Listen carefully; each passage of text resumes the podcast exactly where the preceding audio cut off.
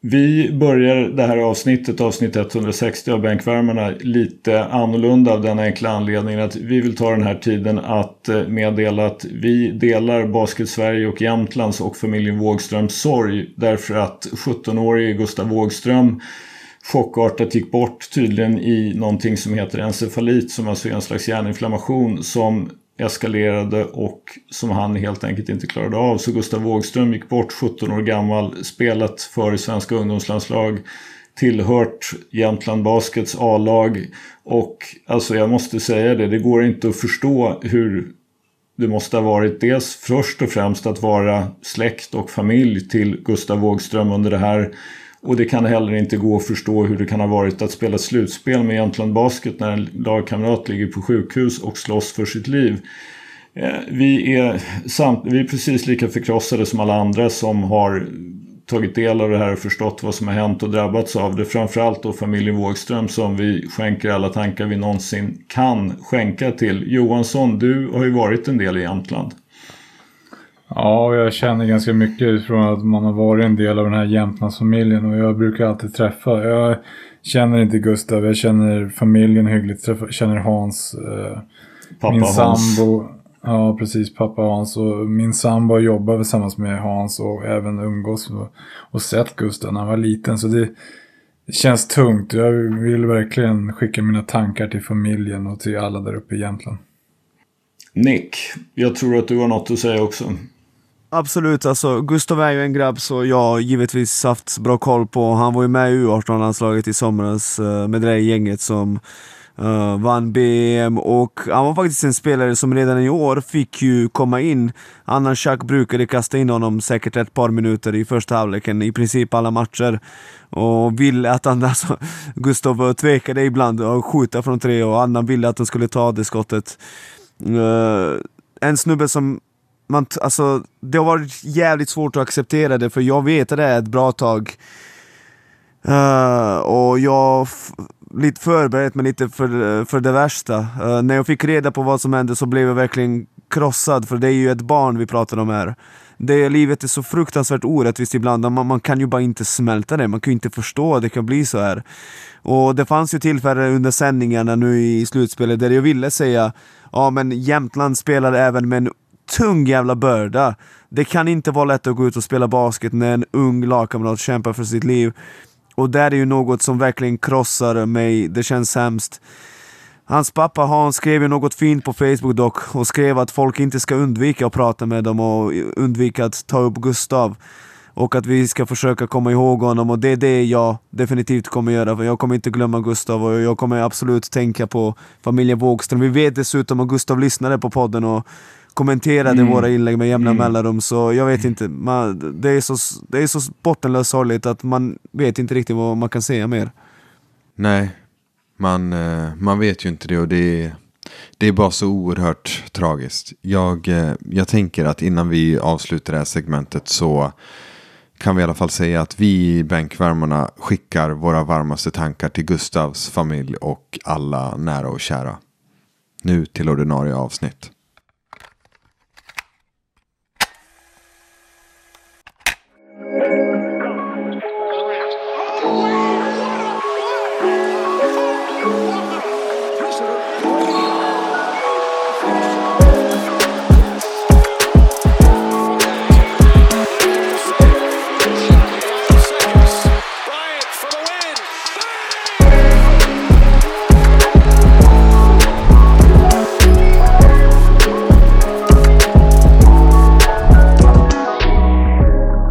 Och välkomna till Bänkvärmarna avsnitt 160. Det är faktiskt lite märkligt att vi nu ungefär tre år efter att vi startade den här podden så är det faktiskt så att det blir Conference Finals i NBA blir repris på bubblan. Los Angeles Lakers mot Denver Nuggets och Miami Heat mot Boston Celtics. Och vi vet ju alla hur det gick då. Los Angeles slog ut Denver Nuggets. AD skrek Kobe efter att ha satt en avgörande trea. Miami Heat slog ut Boston Celtics eh, bland annat efter att Bam hade blockat Tatum i Elimination Game när Tatum bara skulle dunka i vinsten för Boston. Och jag och Stefan Jovanovic satt och skrek. Vad Nick och Johansson och alla andra gjorde det vet jag faktiskt inte riktigt. Men jag har en svag känsla av att de var gladare när LeBron och AD hade vunnit titeln genom att slå Jimmy Butler. Men jag var rätt nöjd ändå för jag tyckte att jag fick stenrätt om Jimmy Butler. Men Addis, hur är det med dig? Det, det, är bra tack, det är bra tack. När du sa att, eh, när du kom in på det här med bubblan och det eh, och tre år och bla bla. Jag trodde att du skulle landa i att vi eh, äntligen är fullt hus igen. Eh, det var det jag trodde, för att eh, hur, hur, länge sedan är det vi alla spelade in? Det är väl eh, ett år sedan, måste det vara? Ja, det Eller? måste det vara. Det måste vara ett år sedan det, vi hade full hand. Vi liksom kan få ihop en Royal Flush. Ja. Ja, mm. nej, så vi ja, är... Det är, det är sant. Fullt hus, ja. alla är med. We back. Ja, vi back. Start. Och, och, och, vi kan ju säga det eftersom det har sagts lite grann på Twitter, bland annat av honom själv, att Stefan Ivanovic tycker det är konstigt att vi inte har avannonserat hans avgång. Det beror helt enkelt på att vi inte riktigt kanske på den tiden det var aktuellt kunde acceptera den på det sättet och trodde kanske inte att det var sant. Men nu har ni ju noterat att Stefan Jovanovic inte är med i bänkvärmarna längre så det it is what it is. Vi är ändå fullt hus. Lojsan, hur är det med dig? Jo men det är bra. Man börjar komma in i mammalivet här nu. Man kan ju meddela till alla där ute att kommer det lite konstiga ljud då och då så är det min lilla unge som Det är Enzo som har synpunkter. Ja, precis. Ja, det är inte alltid jo. han håller med. Precis, vi, skyller, vi, skyller, vi skyller alla konstiga ljud på Louise. Ja, exakt. Ja, gör det. eh, Louise, du har ju världens yngsta poddare. Det har du ju faktiskt. Ja, ja visst. Ja, ja. Man måste ju vara bra på någonting.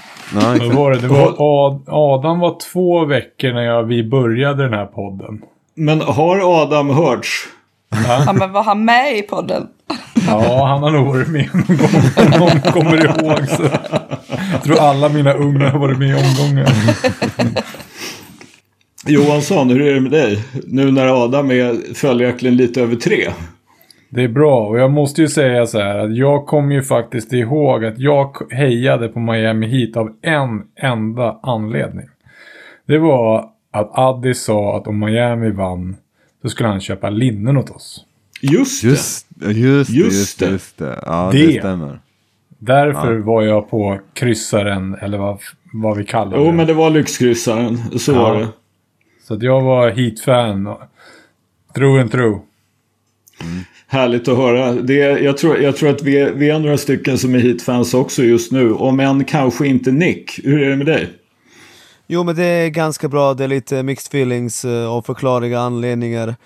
Man är ju lite nere men samtidigt så är det så att uh, det finns inget roligare än att podda med er. Uh, jag noterade i veckan att vi var tre raka dagar topp 50 på Spotify. Jag tror, eller jag vet, det är ju första gången någonsin utan gäst. Eh, att vi är sådär eh, högt rankade och det känns underbart. Uh, ni som lyssnar, sprid vidare ordet om podden, det uppskattas. Vi, vi vill fortsätta växa uh, så mycket vi kan. Sprida ordet som vi faktiskt ägnat oss åt. Märkligt nog, det som började som en total hobbyverksamhet när vi ändå inte hade någonting annat att göra, man inte kunde träffa någon. Man satt i mörkret hemma med sin familj och undrade när covid skulle ta slut. Så tre år senare sitter vi fortfarande här. Jag vet inte vad det säger om vårt mentala tillstånd, att vi alla är barn och galna eller något. Men eh, ja, whatever. Hur som helst, Conference Finals. När ni hör det här så har inte Los Angeles Lakers och Denver Nuggets inlett sin serie än. Ingen födelsedag Skölden eller? Ja, sorry. Du tog ju aldrig den på mig. Det är helt riktigt. Sorry. Ta, ta födelsedagen. Nu har vi en tävlande till. Ja, ja, jag, ja. Jag, får, jag får hjälp att spöa Nick. Det är härligt. Bra Johansson. Kom igen. Knäck födelsedagen. Ja, nej, men den här är för finsmakarna då. Vi har en, eh, en herre som fyller 33 år eh, på fred torsdag. På torsdag blir det. Eh, och jag, jag, läser här då. Eh, namnet då, went undrafted eh, in the 2012 NBA draft, making him an unrestricted free agent. Så att eh, den här spelaren är en odraftad spelare som är 203 cm lång och väger 110 kilo. Eller när, när... Okej, okay, det är alltså en svensk född 1990. Uh, vad har vi för 90 Det kan inte vara Omar Sagden, herregud, nej. Uh, 90, 90. Went What? undrafted. Måste det vara en svensk då? Ja, alltså det, Addis brukar ju försöka lura oss med Ja, det, det är en liten curveball, det kan jag säga. Ja, vänta. Nick Den är, för, den är för finsmakare säger jag. Det är inte riktigt samma sak som att det är en svensk. Men, vänta, ja. 90 Sveriges land... Va? Varför står det still? Uh, Jag kan meddela att, eh, för du har ju rätt att det är en svensk. Du tog den faktiskt eh, skrämmande fort. Eh, Men eh, det här är en person som har tagit 47 flest returer i SPL här. men vänta. Det är inte Axel Nordström, det är inte Christopher Ryan. Det är ju, vad vi, Axel är 91 dessutom. Åh, jag får panik! Det Vilka spelade typ- Krille i Ni alla Vilken vet vem spelar- det är. 47. Vem spelade Krille tillsammans med? Är det Johan Rönnström? 110 kilo. Det kan ju inte vara Alexander Lindqvist. Om Nej, man det är väger Johan- 110. Nej. Johan Rönnström. Alex är 98. Nej. Nej, Rönne 89. Men va? Ja, det där måste jag knäcka. Åh, det är ju panik nu. 90, 90. 203. Det behöver inte vara 90, det kan ju i och sig vara... Ja, jo, men han 90. fyller ju 30. Jo, men han fyller 90. 33. Då måste det vara det. 90. Vilka var med i det landslaget? Vad fan är det som pågår? Någon från Stockholmsområdet? Uh, Ja, Okej, jag ska hjälpa er lite. Den här eh, killen är född i Lund. Är det Odin Lindell? Ja, Odin. Oj, oj, oj! Louise tog den. B- bara smash. Snyggt jobbat eh, Louise. Eh, det där var för finsmakarna som sagt. Åh, vilken show! fatta att jag drog upp den här. Ja, precis. Min, min nästa ledtråd var ju att eh, fick lämna Padel. ett lag På efter grund av padel. på grund av Skandal. padel. Ja, ja, där hade alla träffat det. Ja, det hade de, det hade ni. Men eh, ja, vi kan väl säga det för de, de som inte vet den storyn är ju att eh, Uppsala, ni, ni får rätta mig om jag har fel, Uppsala rev hans kontrakt efter att han hade spelat paddel medans han var skadad. Visst var det så? Ja, och till, men, Han spelade men, i alla fall paddel. Det gjorde han definitivt. Det, så mycket kommer jag ihåg. men sen, sen var det också så det där med att han och Gaines, alltså det, var, det funkade inte mellan dem. Så det var ju nog eh, bara att det gjorde att det var pricken över i-et. Ja, eh, och eh, han stämde ju Uppsala Basket. Jag läste en artikel om det idag bara för att eh, refresh eh, mitt eh, minne. Och eh, han vann ju den förlikningen och fick eh, 130k. Eh, Men vet du vad? utbetalat. Jag, Mm. jag träffade honom under Göteborgsfestivalen för tre år sedan. Och Han hade en ny bil. Jag ska... Jag frågade, nej nej nej, nej utan jag frågade honom, fan hur känns det med pengarna? Han bara, ja, betala advokat, betala skatt, betala allting. Han bara, jag fick typ ingenting tillbaka till slut. Ja, men, för det var ju så att Uppsala fick betala rättegångskostnaderna och jag gissar på, jag har för mig att de var på typ 65 000 eller något sånt där. Så som sagt, han, han fick väl ut Eh, det han hade kvar på kontraktet och möjligen något litet skadestånd. Och sen så som sagt så gick pengarna åt. Exakt. Ja, men jag läser ju att hans juridiska ombud var Martin Klette och det är ju typ en så här, jag känner igen namnet, det är ju en fotbollsagent som har ett tunga, så att jag tänker mig att han skulle ha en del pengar, liksom, om det inte var en polare eller något, jag vet inte. Men, Ja, ja, men, det, ja, men det är som sagt, rätt, och, men det är ju rättegångskostnaderna liksom. Det är ju, Ja. i, det är ju ett civilmål så då får förlorande part betala rättegångskostnaderna. Så det, ja. Ja, ja, Så men för Uppsala bra, blev det där dyrt. Men bra. Ja, precis. Det, Bra jobbat. Nu, snyggt Lojsan. Att, att, eh, är, det två, är det två eller tre raka nu Nick som du, som du har missat att vinna födelsedagsquizet? Tre. Tre. Yes! We're coming for you. Johansson, var, trots då som jag sa, Lakers Nuggets kommer ju att ha hunnit spela minst en match innan du hör det här. För de spelar senare i natt. Vi spelar in klockan är 20.27 på tisdagskvällen. Eh, vad har du på Lakers Nuggets? Vad är du mest spänd på att se? Ja, men det jag är mest spänd på att se det är ju matchupen Jokic mot AD egentligen. Alltså i grunden så är det, Jokic är ju ja, helt, helt makalös just nu och styr deras offense från punkt till pricka. Och det ska bli intressant att se just den, hur han kan skapa för andra. Nu spelade Lakers ett bra försvar på Golden States skyttar. Men de levde ganska mycket ute på perimetern. Så frågan är nu när de liksom måste ändå hjälpa. För det, frågan är om de behöver hjälpa, om de kommer hjälpa eller bara kommer låta AD spela rakt upp. Så jag tycker att den matchupen blir jävligt intressant egentligen. Alltså, jag har ju lyssnat på lite, lite poddar för omväxlings skull och det är ju, alltså rimligen så kommer man ju att spela AD på Jokic och Jokic en hel del på AD. Men man kan ju också tänka sig att det finns tendenser till att liksom vilja trycka upp det lite. Att man kanske inte vill spela Jokic på AD för att undvika lite foulproblem. Kanske teoretiskt motsvarande också. Alltså Jokic är ju trots allt en stor herre som, eh, som ju dessutom är bra i posten. Han är rätt tung. Så det är ju inte självklart så att säga att AD bara kan utnyttja sin atletism. Utan han får ju, kommer ju att i så fall att få spela mot honom Alltså att i, i fysisk rörelse så att säga med tydlig kroppskontakt. Och det råkade han ju inte ut för särskilt mycket mot, eh, mot Warriors. AD alltså. Det blir ändå en sorts schackmatch tycker jag mellan två av de absolut smartaste spelarna i NBA just nu. Alltså du kommer ju ha LeBron som är någon sorts free safety bakom. Och så kommer hjälpa och så kommer leta och lämna Aaron Gordon på trean och allt det där. Mm. Och samtidigt så kommer du ju ha bollen i Jokers händer som kan hitta vem som helst, när som helst, hur som helst. Mm. Hade Nick spelat med Jokic då hade jag trott att han kunde göra fem poäng per match. Så bra är han. Nick eller Jokic? Ja, ja, ja. Vi låter den vara osagd. Sluta! Sluta nu! Ni är roliga, jag ska ge det. Ni är roliga. Eh, Addis, du är ju vår Laker-apologet i de här och Nick är vår LeBron-apologet. Man måste ge dig Nick, du gav en fantastisk kurs. 0,0% chans för Lakers att slå Golden State. Vad, vad har du Addis på det här?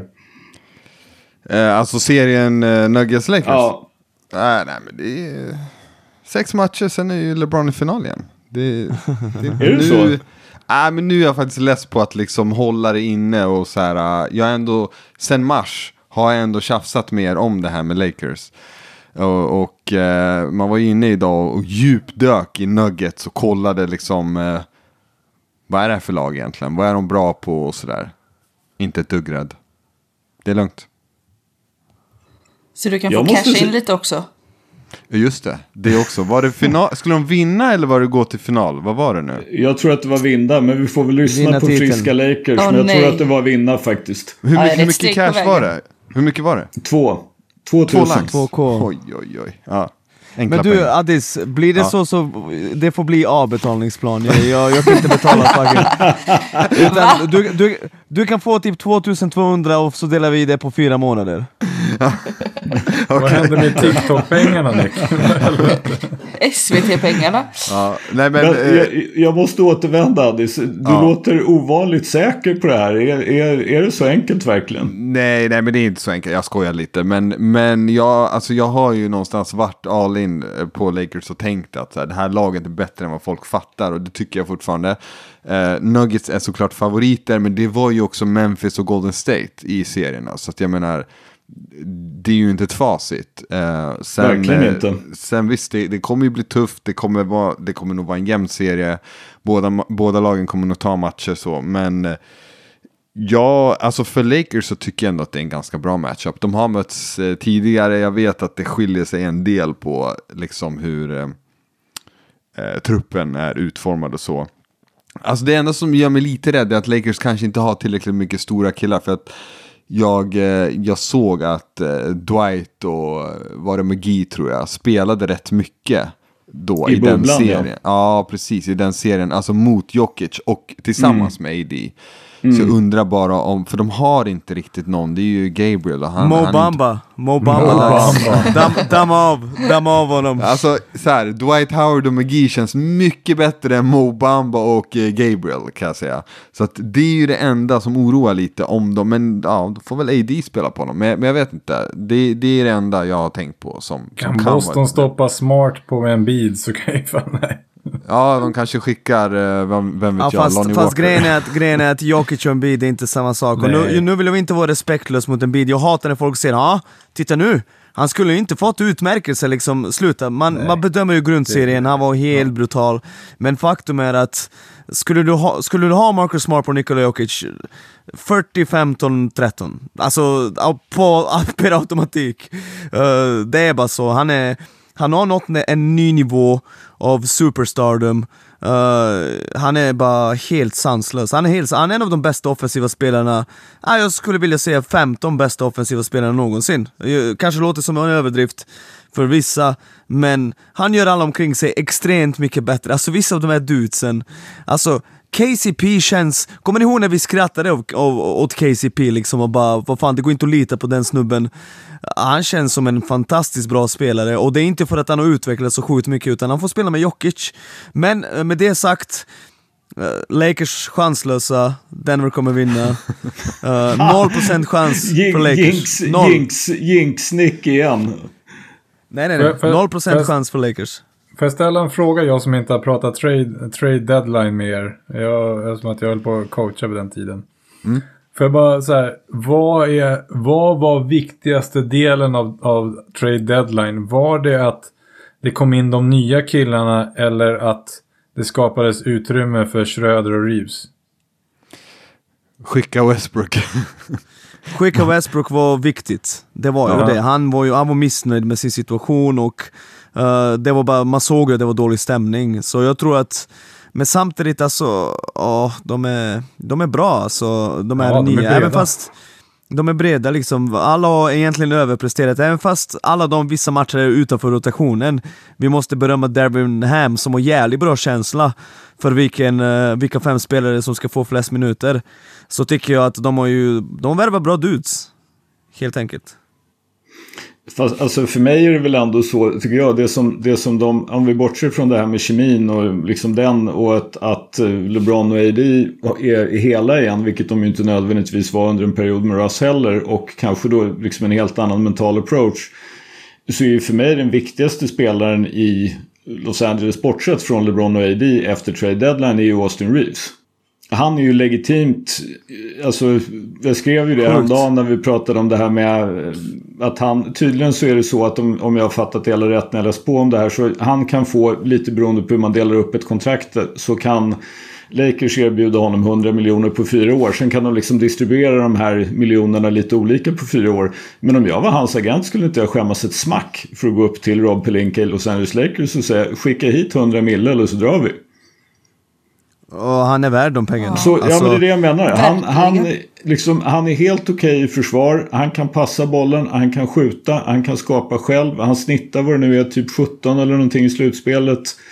Eh, han är, han, är, han är som sagt, de har ju fått någonting av Rui, de har fått någonting av Lonnie Walker, de har fått någonting av, eh, av Dennis Schröder har ju också varit bra, kanske framförallt i försvar. De har fått någonting av Dilo, men Reeves ger dem ju någonting varje match. De här andra kommer ju och går lite grann och där är ju som sagt då Ham har ju hela tiden lyckats hitta någon som kommer. Oberoende mm. av vem det är. Men Reeves har ju varit med i princip varje match. Han har haft någon lite skakigare, men, men det har alla. Men alltså, han, han där... har varit väldigt solid. Det där med att, okej, okay, uh, eh, det har gått 15 sekunder på skottklockan, vad ska vi göra? Ja men vi ger bollen till honom så får han köra liksom pick och att han är den snubben och faktiskt klarar av att ta den här sena pick och rullen och skapa något, det är 100 mm. miljoner på det där. Ja, det är det jag menar. Kan, om, om du kan göra det i ett slutspel på den här nivån så är det sent i slutspelet, då är det 100. Lakers skulle förlängt honom med 50 miljoner när de hade chansen, för det verkade som att han ville ha de pengarna för två, tre månader sedan. Men då visste vi inte att han är så här bra heller, så lätt att vara efterklok. Lex Jalen Brunson, helt enkelt. Mm. Ja. ja, men lite så. Lite ja. faktiskt. Mm. Mm. Ja. Men som jag sagt, vet, de, jag, vet de... Inte riktigt, jag vet inte riktigt, alltså så här, alltså jag vet att man har skojat om det här I am him och så vidare. Alltså det är ju, och det tycker jag är lite löjligt. Men det finns ändå någonting hos honom som är att han är tuff. Att han inte är, liksom är rädd för de här ögonblicken och rädd för att ta de här skotten. Som gör att han, alltså han växer fram och han kommer vara bra i flera år framöver. Mm. Ja, men sen, är, alltså, sen är det ju, säga vad man vill. Han gick fyra år på college. Han är 24. Han är ju, han är ju liksom en mycket mer mogen spelare än många av de här liksom andra års rookies. så att, att man ser ju på något sätt att han är ju van att spela basket på en, en viss nivå. Liksom att han är trygg i sig själv och vad han kan och vad han inte kan. Och som sagt det här att han faktiskt är rätt okej okay i försvar också i, i liksom den kontext som Lakers har byggt upp. Men eftersom som sagt vi inte kan se den här matchen, det blir ju enormt spännande men läge ändå att gå vidare till den andra, nämligen den mot Boston mot Miami Heat. Eh, Lojsan, vad har vi på den? Ja, där har vi eh, ett Heat som har kommit till final. Det såg väl ingen av oss komma. Det var väl någon som hade en hot take där innan nu under våren och vi alla bara sågade den totalt. Var det mm. han som skickade, jag såg att det har kommit in någon, ni skrattade åt oh, mig. Men jag, jag, tror att det, jag tror att det är Alvin som är, han är ju liksom Resident Heat-fan. Nej, nej, nej, nej, absolut, det var inte Alvin. Vänta, nej, det var någon annan. Okej. Okay. Det, men, det var, eh, men det, ja, vi såg den Oscar, och där är vi.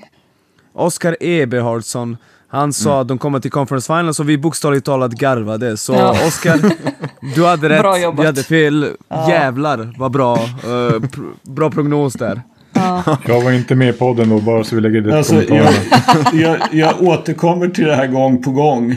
I play-in fick Miami stryk ganska ordentligt av Atlanta. Sen låg de under med tre kvar mot Chicago Bulls.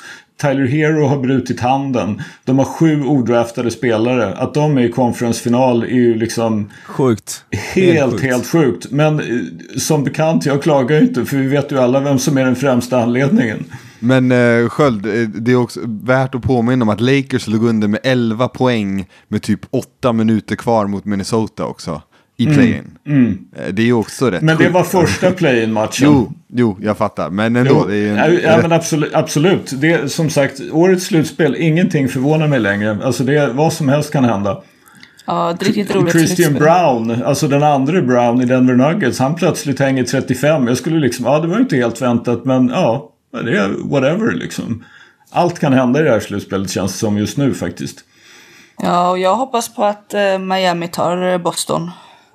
Jag, jag vet inte, det är fortfarande någonting med Boston och Tatum som gör att jag eh, inte riktigt yes. är där. Yes. li, li, litar, du, litar du inte på honom? Aldis, du får, du får ta över det här. Du, du, även om du inte vill att, eh, även om inte du vill att eh, Boston ska vinna den där serien så misstänker jag ja. att du ändå har lite synpunkter på det här med Tatum.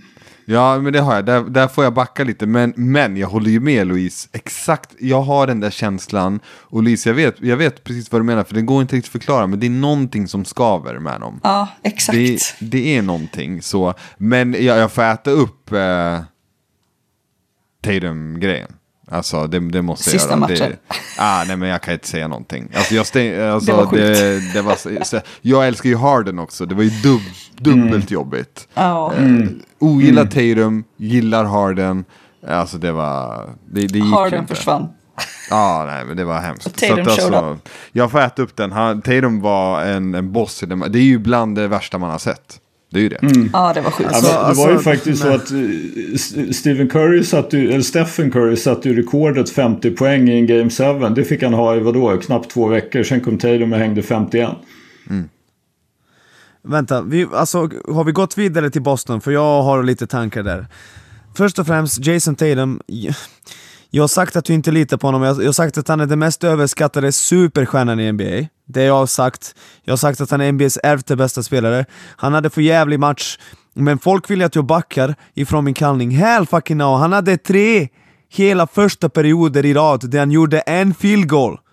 Han hade en field goal tre olika matcher i första perioden. Han startade match 6 med 7-1 och 14. Det var på väg att bli en flameout i rang med fucking nästan LeBrons 2011-final. Eh, och, och sen vaknade han till och vände på allting, fantastiskt bra. Jag har sagt det, jag säger det igen. Jag litar inte på snubben, men om Boston går och vinner allt och han inte skjuter liksom 41, 51% för golvet en match och sen typ 32 och sen bara går upp och ner, upp och ner som man alltid gör, då kommer jag liksom ta tillbaka det jag sagt. Men det där har inte visat mig något nytt, förutom att han liksom, ja han hade otrolig match, en av de bästa, kanske det bästa Game 7 vi sett i modern basket. Det var sjukt faktiskt, alltså jag såg hela matchen, Alltså han var så jävla het.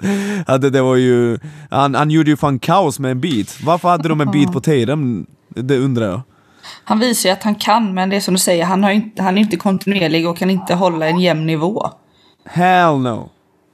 Det är det han behöver visa.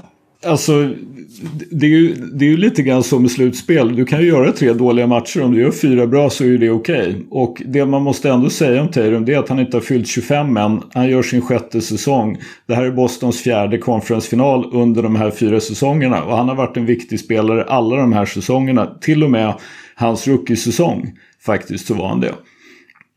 Han snittade alltså nästan 24 i Conference Semis när de slog ut Philly 2018 när han var 19 bast. Eh, så jag, jag, är nog inte riktigt med på er. Alltså jag, jag, fattar ju precis vad ni säger, jag förstår precis vad ni menar och jag vet vad du menar med det här att han, att han är ojämn. Men någonstans måste man ändå ge en snubbe som hängde 46 på bortaplan mot Bucks förra året och räddade Boston kvar i den serien och sen så vann de Game 7. Det är den ena och sen så har han den här när han har 51 poäng och bara är liksom larvig, rent ut sagt. Larvig. Ingenting liksom stoppade honom. Så får man nog ändå igenom att han, att han, att han har någonting. Det är jo, plus, då, plus sagt, dessutom, han... ja, men låt mig avsluta Nick. Plus dessutom, han tar konsekvent returer, han har konsekvent assist och han är en svinbra försvarare. Han är 6 och 10 och kan spela både perimetern och inside. Det är liksom, även om han inte får i sina skott så bidrar han till Bostons vinster. Som jag sa nyss, ja vi fattar att han har något, jag ser att han är superstjärna. Det, det gör jag. Uh, men uh, elfte bästa spelaren i NBA. Inget att skämmas för, men han är inte högre upp än det, enligt mig. Mm, ja, jag, jag håller ju som bekant inte med då. Jag gick ju igenom där häromdagen, men ja. Han är högre upp för mig, men jag är också så här lite, alltså, jag... Alltså vissa matcher så sätter han de där skotten. Alltså det är ju inte lätta skott.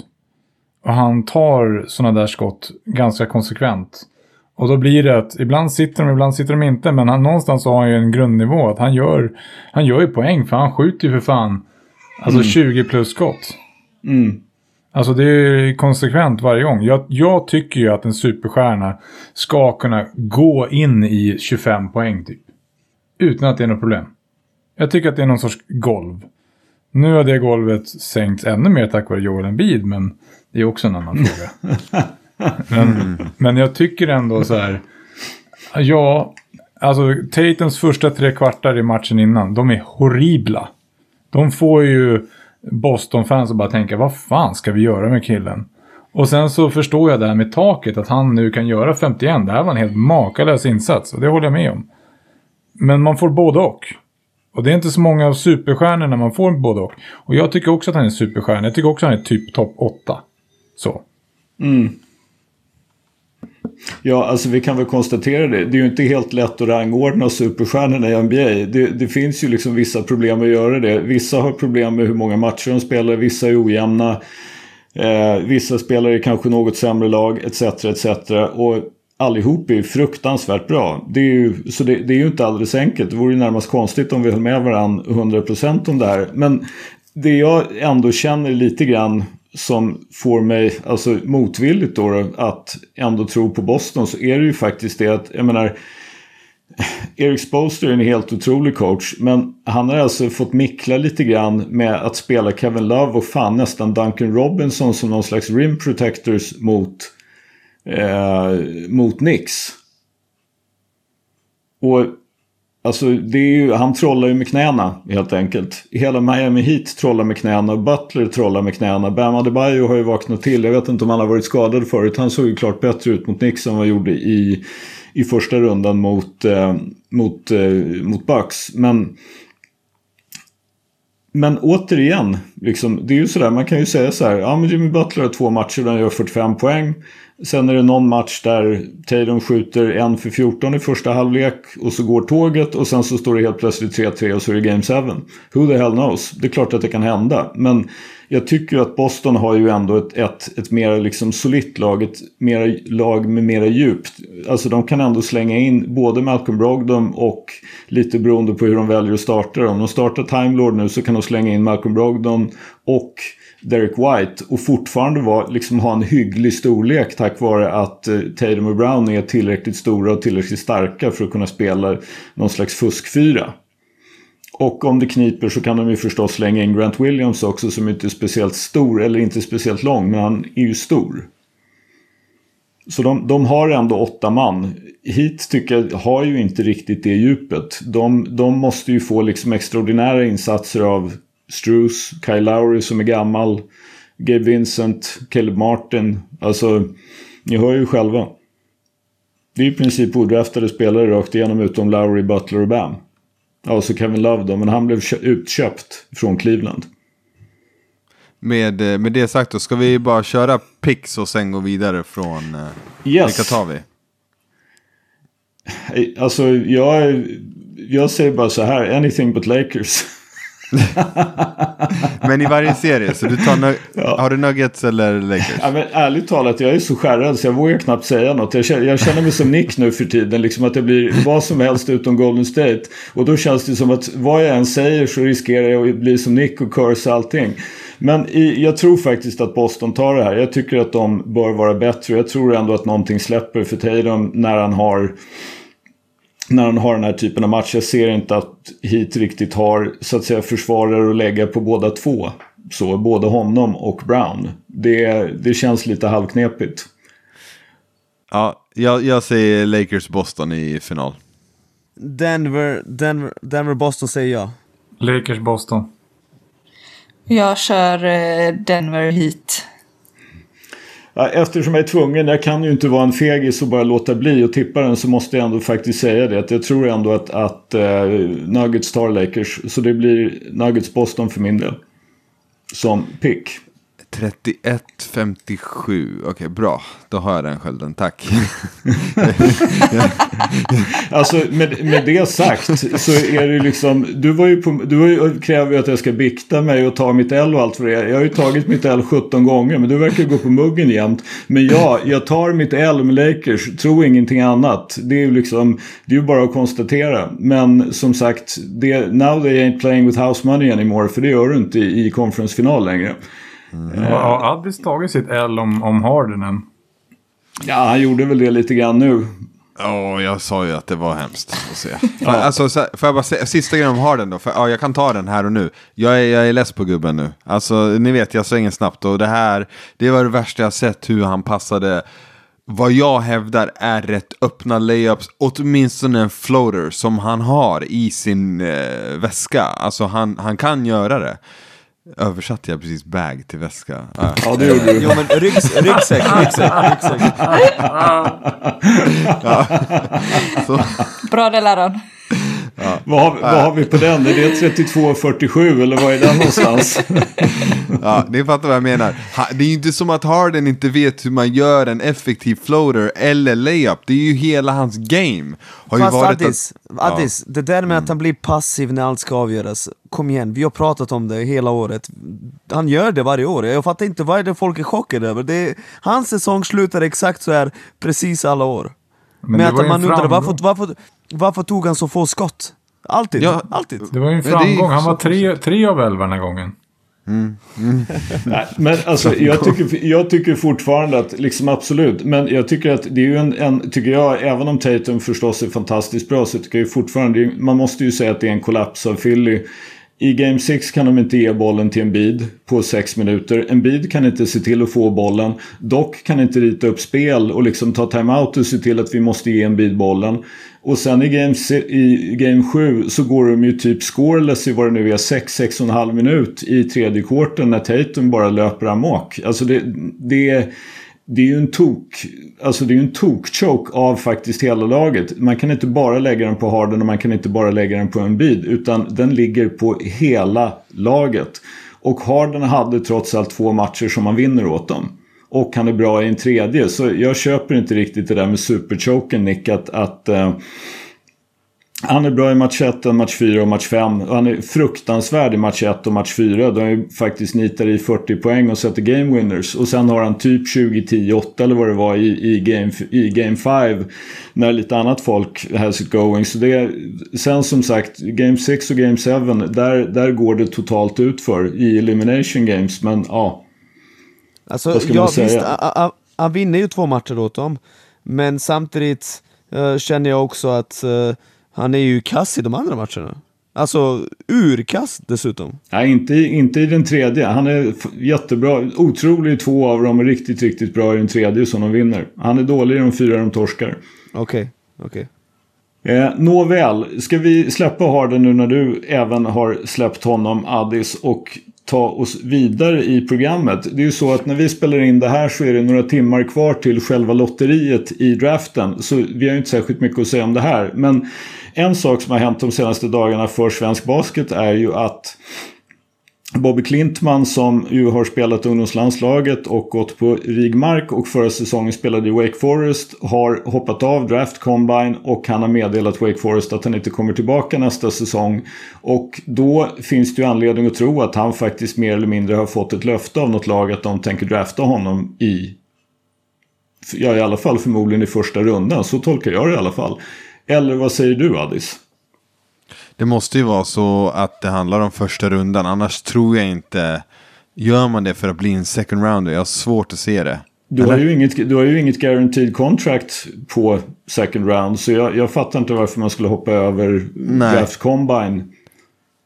Nej. Om, om, man, in, om man inte, liksom löfte, vad vet man? Det, det är ju inte så att du kan skriva ett kontrakt liksom. Vi tar dig med Nej. pick nummer 17 och, och här är det sign and sealed. Utan, men men han, har ju, han måste ju ha fått en ganska tydlig signal om att det finns ett eller två lag som faktiskt är väldigt, väldigt intresserade. Ja, nej, men det måste, det måste vara så. Och det är ju eh, svinkul, alltså om, om det nu är så. Det blir intressant att se vilket lag han faktiskt hamnar på. För det finns ju, det kan ju verkligen göra hans karriär och förstöra hans karriär om ni förstår vad jag menar. Alltså, Det finns ju bra organisationer att hamna i som en ung eh, spelare som eh, är vad jag förstår väldigt rå. Alltså det är ju inte som att han, han kommer sniffa golvet jättemycket sitt första år. Det har jag svårt att se i alla fall. Eller jag vet inte, vad, Nick du har väl sett honom mest här, vad, vad tror du? Men det, det är väl inte det som är planen antar jag. Ja, men alltså så här är det, han hoppar ju av Draft Combine timmar innan starten. Så ja, det finns två alternativ. Mest troliga är att något lag sa Vet du vad, vi garanterar dig, vi kommer välja dig. Gå inte ut och hjälp din draft stock så något annat plockar upp dig. Eller så har han den absolut sämsta agenten i världshistorien. Alltså det är ju, det är ju något av det där två. Faktiskt, så enkelt är det. Och det rimliga är väl att det blir eh, alternativ nummer ett. Sen är det så att det kanske är någon i början av andra rundan, det vet vi ju inte. Du kan ju garantera någon kontrakt även i andra rundan och säga vet du vad, eh, du kommer få det här och det här. Så vi har sett några sådana exempel. Men om jag tänker liksom på... Uh, ah, Skölden, varsågod. Nej, men jag menar bara att går han i första rundan så har han ju ett garanterat kontrakt. I andra Precis. rundan är de ju inte tvungna att ge honom ett garanterat kontrakt. Exakt det, så, det, är ju en, exakt det är ju en milsvid skillnad liksom i, i hur, man, hur man så att säga kan tänka sig att man ska agera i det här sammanhanget. Men det är ju, alltså, han har ju inte gjort någon sån här otrolig säsong i... Ja men eh, jag, jag kommer dit, jag kommer dit, jag kommer Ja, dit. men Så, ja. ha- han är ju Han är ju en snubbe liksom som eh, inte ens var i startfemman fram till eh, efter nyår, typ i februari. Och, och har inte statistiken som ska backa upp det där, men han har ju några saker som är uh, väldigt uppenbara och det är ju han har, alltså när han började på Rigi Mark var han typ under 1,90 eller där någonstans 1,90 Han har växt på fyra år typ 18 cm, han fortsätter att växa jag såg ju liksom eh, Kevin O'Connor skriva ja men han måste visa att han kan spela som center, alltså fattar ni hur mycket den här grabben måste ha växt? för att nu pratas det liksom, ja måste lägga på sig lite kilo för att kunna spela center liksom, det är ju helt galet. Och sen också, han hade ju sina bästa matcher i NCAA Tournament. Um, Först mot Syracuse, en double-double, där han såg för jävla dominant ut. Och sen även matchen mot Miami där han har fyra blockar liksom. Han har ju... Han är rå, han har potential, precis som Addi sa, någon kommer ta honom så kommer han få spela lite sporadiskt och mest minuter i G-League. Men jag känner så här att där hinner ju svensk basket och landslaget mest för att han, oavsett hur det går i NBA, han kommer få två, tre år att träna med de allra bästa och det kommer faktiskt räcka för honom att bli bra nog att vara liksom en bärande spelare i landslaget. Och inte nog med det, alltså svensk basket är, har uppsving, det är stort intresse bland unga. Att få en NBA-spelare nu helvete vilken timing. Fy fan att det verkligen händer exakt den här sommaren det är så jävla klockrent. Och eh, vi har ingen anledning att inte tro något annat än att han kommer bli draftad nu och det känns faktiskt fantastiskt roligt och vi håller tummarna för Bobby, han har långa vägar att gå, han är jag vet inte om han är bra nog att ens få stora minuter i landslaget, eller vet ni vad jag kan säga till er? Det kommer bli lite roligt i OS-kvalet när han kanske är draftad och alla väntar sig att han ska typ dominera. Han är inte där, alltså han är ju knappt där för att få minuter. Men potentialen är oändlig för någon med den storleken på basket-IQn och även skottet. Ja, jag, alltså, jag, bara, jag har googlat lite grann och kollat lite highlights och sådär. Och det var ju så att han rostade ju lite grann på bänken i inledningen av säsongen. Men de sista 11 matcherna så spelade han 29 minuter per match. Vilket är ganska mycket för i college. Snittade 8,5 poäng, 7,2 returer, sköt 41% från 3. Han sköt 50% av sina skott på catchen 23 och han hade 1,3 blockar per match. Och då vet vi ju det att när han spelade med ungdomslandslaget så var han ju faktiskt en sjukt begåvad passningsspelare. Han snittade väl typ fem assist eller något sånt där i den där turneringen. Riktigt bra passare. Riktigt bra passare. Och han är ju då som sagt 6-10 och det här med att han ska spela center. Han är ju mer liksom en vinge. Han profilerar ju snarare som en stor vinge. Han är alltså inga jämförelser i övrigt. Notera detta nu. Inga jämförelser i övrigt. Men han är 6-10 och kan spela vinge. En annan vinge som är 6-10 heter Jason Tatum. Så det är ju klart att det finns ju någon som ser potentialen och kan tänka sig att ta helt enkelt ta chans. Fan, han är 6-10, kan skjuta bollen, han kan springa, han kan hoppa, han kan ta returer. Vi behöver lära honom att spela försvar och få honom att fatta vad han håller på med på en plan. Kan vi göra det så har vi en snubbe som är 6-10 och kan spela vinge för oss. Det, det är inte fel. Så det, det, är ju, det är ju i alla fall vad jag tror att de ser framför sig. Jag tror inte att någon ser framför sig att han ska spela center. Nej men däremot, han är ju prototypisk modern NBA-spelare i och med att han är runt 2,08, långa armar, kan catch and shoot, kan spela försvar på lite olika positioner. Alltså det är ju drömmen mm. För, mm. för ett NBA-lag att drafta. Så, mm. ja. Ja, men, och, och särskilt liksom i alla fall lite senare i första rundan där ju alla vet att ja, men, det är inte det är hit or miss lite grann på något sätt. Och ska du då missa så kan du ju lika gärna missa på någon som är lite rå som du har tid att ge liksom ett par år innan han är redo att bidra. Så. Eh, jag vi... måste bara innan ni fortsätter. Ja. Måste jag bara ja, klockan be nio. mig. Ja, klockan eh. nio. Tiden går fort när man har kul hörni. Eh, men Louise, innan du går, bara lugnt. snabbt. Väldigt snabbt bara. Ja. Eh, vi har ju en hot take från Arne Fors. Han säger att Quarnby Lions är det hetaste laget i nästa års damettan. Särskilt oh ja. när det blir officiellt att Lojsan kommer spela. Eh, vad, vad, har vi, eh, vad har du inte berättat här? Eh, jag säger så här, jag är fortfarande kontraktslös. Vi okay. får se vilket Men, kontrakt hallå, jag skriver på. Louise, Louise kommer, kommer Kvarnby spela i aktiviteten? Eh, oh, jag tror inte de har jag tror inte det är bestämt var hemmamatcherna ska spelas sen faktiskt. Alltså den hallen är washed. Det, alltså den hallen är över. Ja, gamla goa aktiviteten. Den är fin. ja, ja. Så vi får se. Okay. Men du får utveckla nästa vecka. Eh, Exakt. Dina tankar det ska jag göra. Eller om två, när det nu blir. Ja. Som, ja, som, som, som, din obetalda agent råder jag att inte säga för mycket innan du har skrivit på. Tack själv. ja, right. görs det. Ha det bra boys. Vi hörs. Ciao, ciao. Ja. Ska, vi gå till, ska vi gå till, vi, vi, vet ju alla att lotteriet i natt handlar ju fruktansvärt mycket om vem som får första picken och därmed möjligheten att ta Victor Wembanyama. Nick, var vill du se Wembanyama hamna? Jag har drömt, jag har redan berättat om det här, jag har drömt om att han hamnar, först var jag drömt att han är i Detroit och sen har jag drömt att han är i Hornets och det måste vara något av de här två lagen. Alltså jag ser in i framtiden, det känns, uh, det känns fantastiskt att jag kan uh, i alla fall att mitt undermedvetna kan liksom hitta rätt för när jag är vaken så tippar jag oftast fel, men det är något av de två lagen. Mm. Det måste finnas någon anledning till att jag drömde där, det måste finnas. Okej, okay. jag ska bara säga det då apropå dina, dina drömmar här så är det ju så att Detroit tillsammans med Houston och San Antonio har bäst chanser att få nummer ett. De har 14% chans. Och sen så har man ju då också, ju högre upp man är så att säga, Detroit, Houston och San Antonio kom ju sist. Ju högre upp man är i den, alltså ju sämre man var förra säsongen, desto bättre chanser har man ju att få en toppick. Inte bara, alltså du kan bara glida ner en viss, liksom en viss bit och du kan bara komma upp en viss bit. Så de, de har ju i alla fall bäst förutsättningar att få vad det nu är en, en topp 5-pick, även om de skulle missa Wembanyama.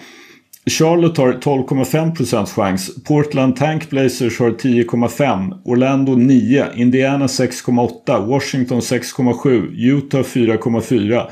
Dallas 3,0. Chicago 1,8. Oklahoma 1,7. Toronto 1,0. Och New Orleans 0,5% chans. De andra kan inte få första picken.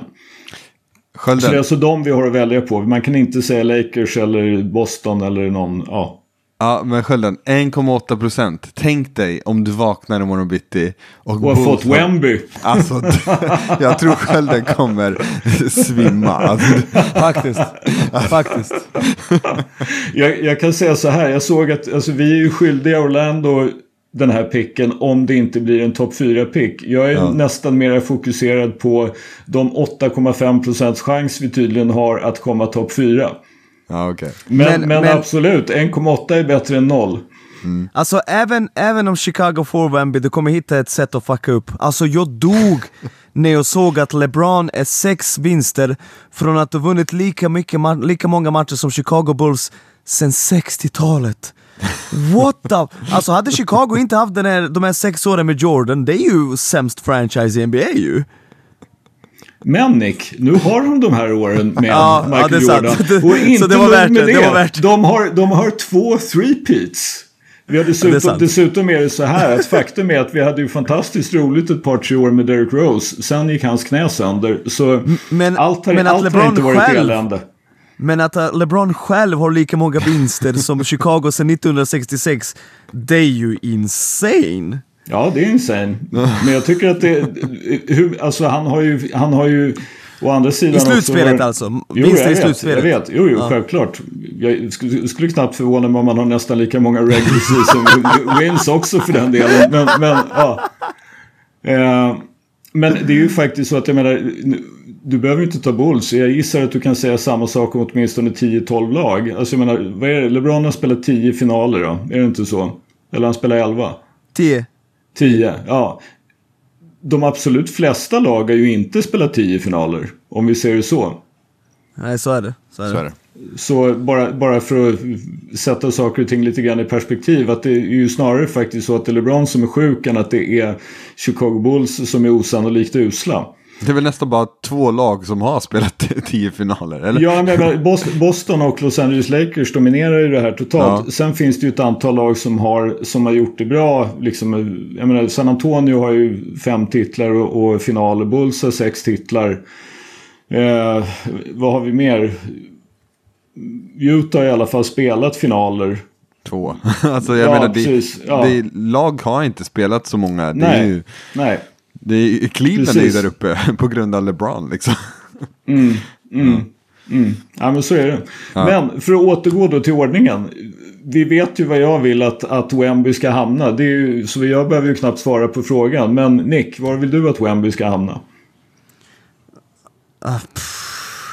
Okej, Du jag sa, du sa på att du har drömt om Detroit och Charlotte. Men du vill ju inte Charlotte. Möjligen kan jag tänka mig att du vill exakt. Detroit. Detroit. Men, Jag ja. har investerat aktier, jag, jag har investerat aktier i Ivy, jag har investerat aktier i, i Kate Cunningham. Vi säger Detroit, let's go baby. Okej. Detroit basketball! Ja, Addis? Eh, pff, alltså, jag ser honom gärna i Washington. I Åh, fy Washington? fan vad tråkigt! Är det sant? Fy, vad trist! händer? Washington. Var, var, varför Washington? Det här får du förklara. Det är, men det är väl bara ett lag som, de har inte så mycket som händer liksom. Jag, jag, jag Du är bara tittade och tänkte, konträr nu. Det är bara Ja, det är klassiskt kont- Det är så här, Ja. vilket lag tänker vi absolut inte att vi vill att han ska gå till? jag var nära att säga ingen Indiana. annan kan ta. Nej, jag, jag tycker Indiana skulle vara lite roligt faktiskt. För då får de spela med Halliburton. Ja, nej men eh, helt ärligt, jag, jag, så här, om jag inte skämtar, Portland. Får Ja, spela den med är Dame. Ja, men också, jag gillar bara Portland. Det är snygga färger, det, är liksom, det är ett skönt lag. Liksom. Det är, och Greg Oden-grejen, det är väl bra att de får en center nu då. Fast de kanske fuckar här också.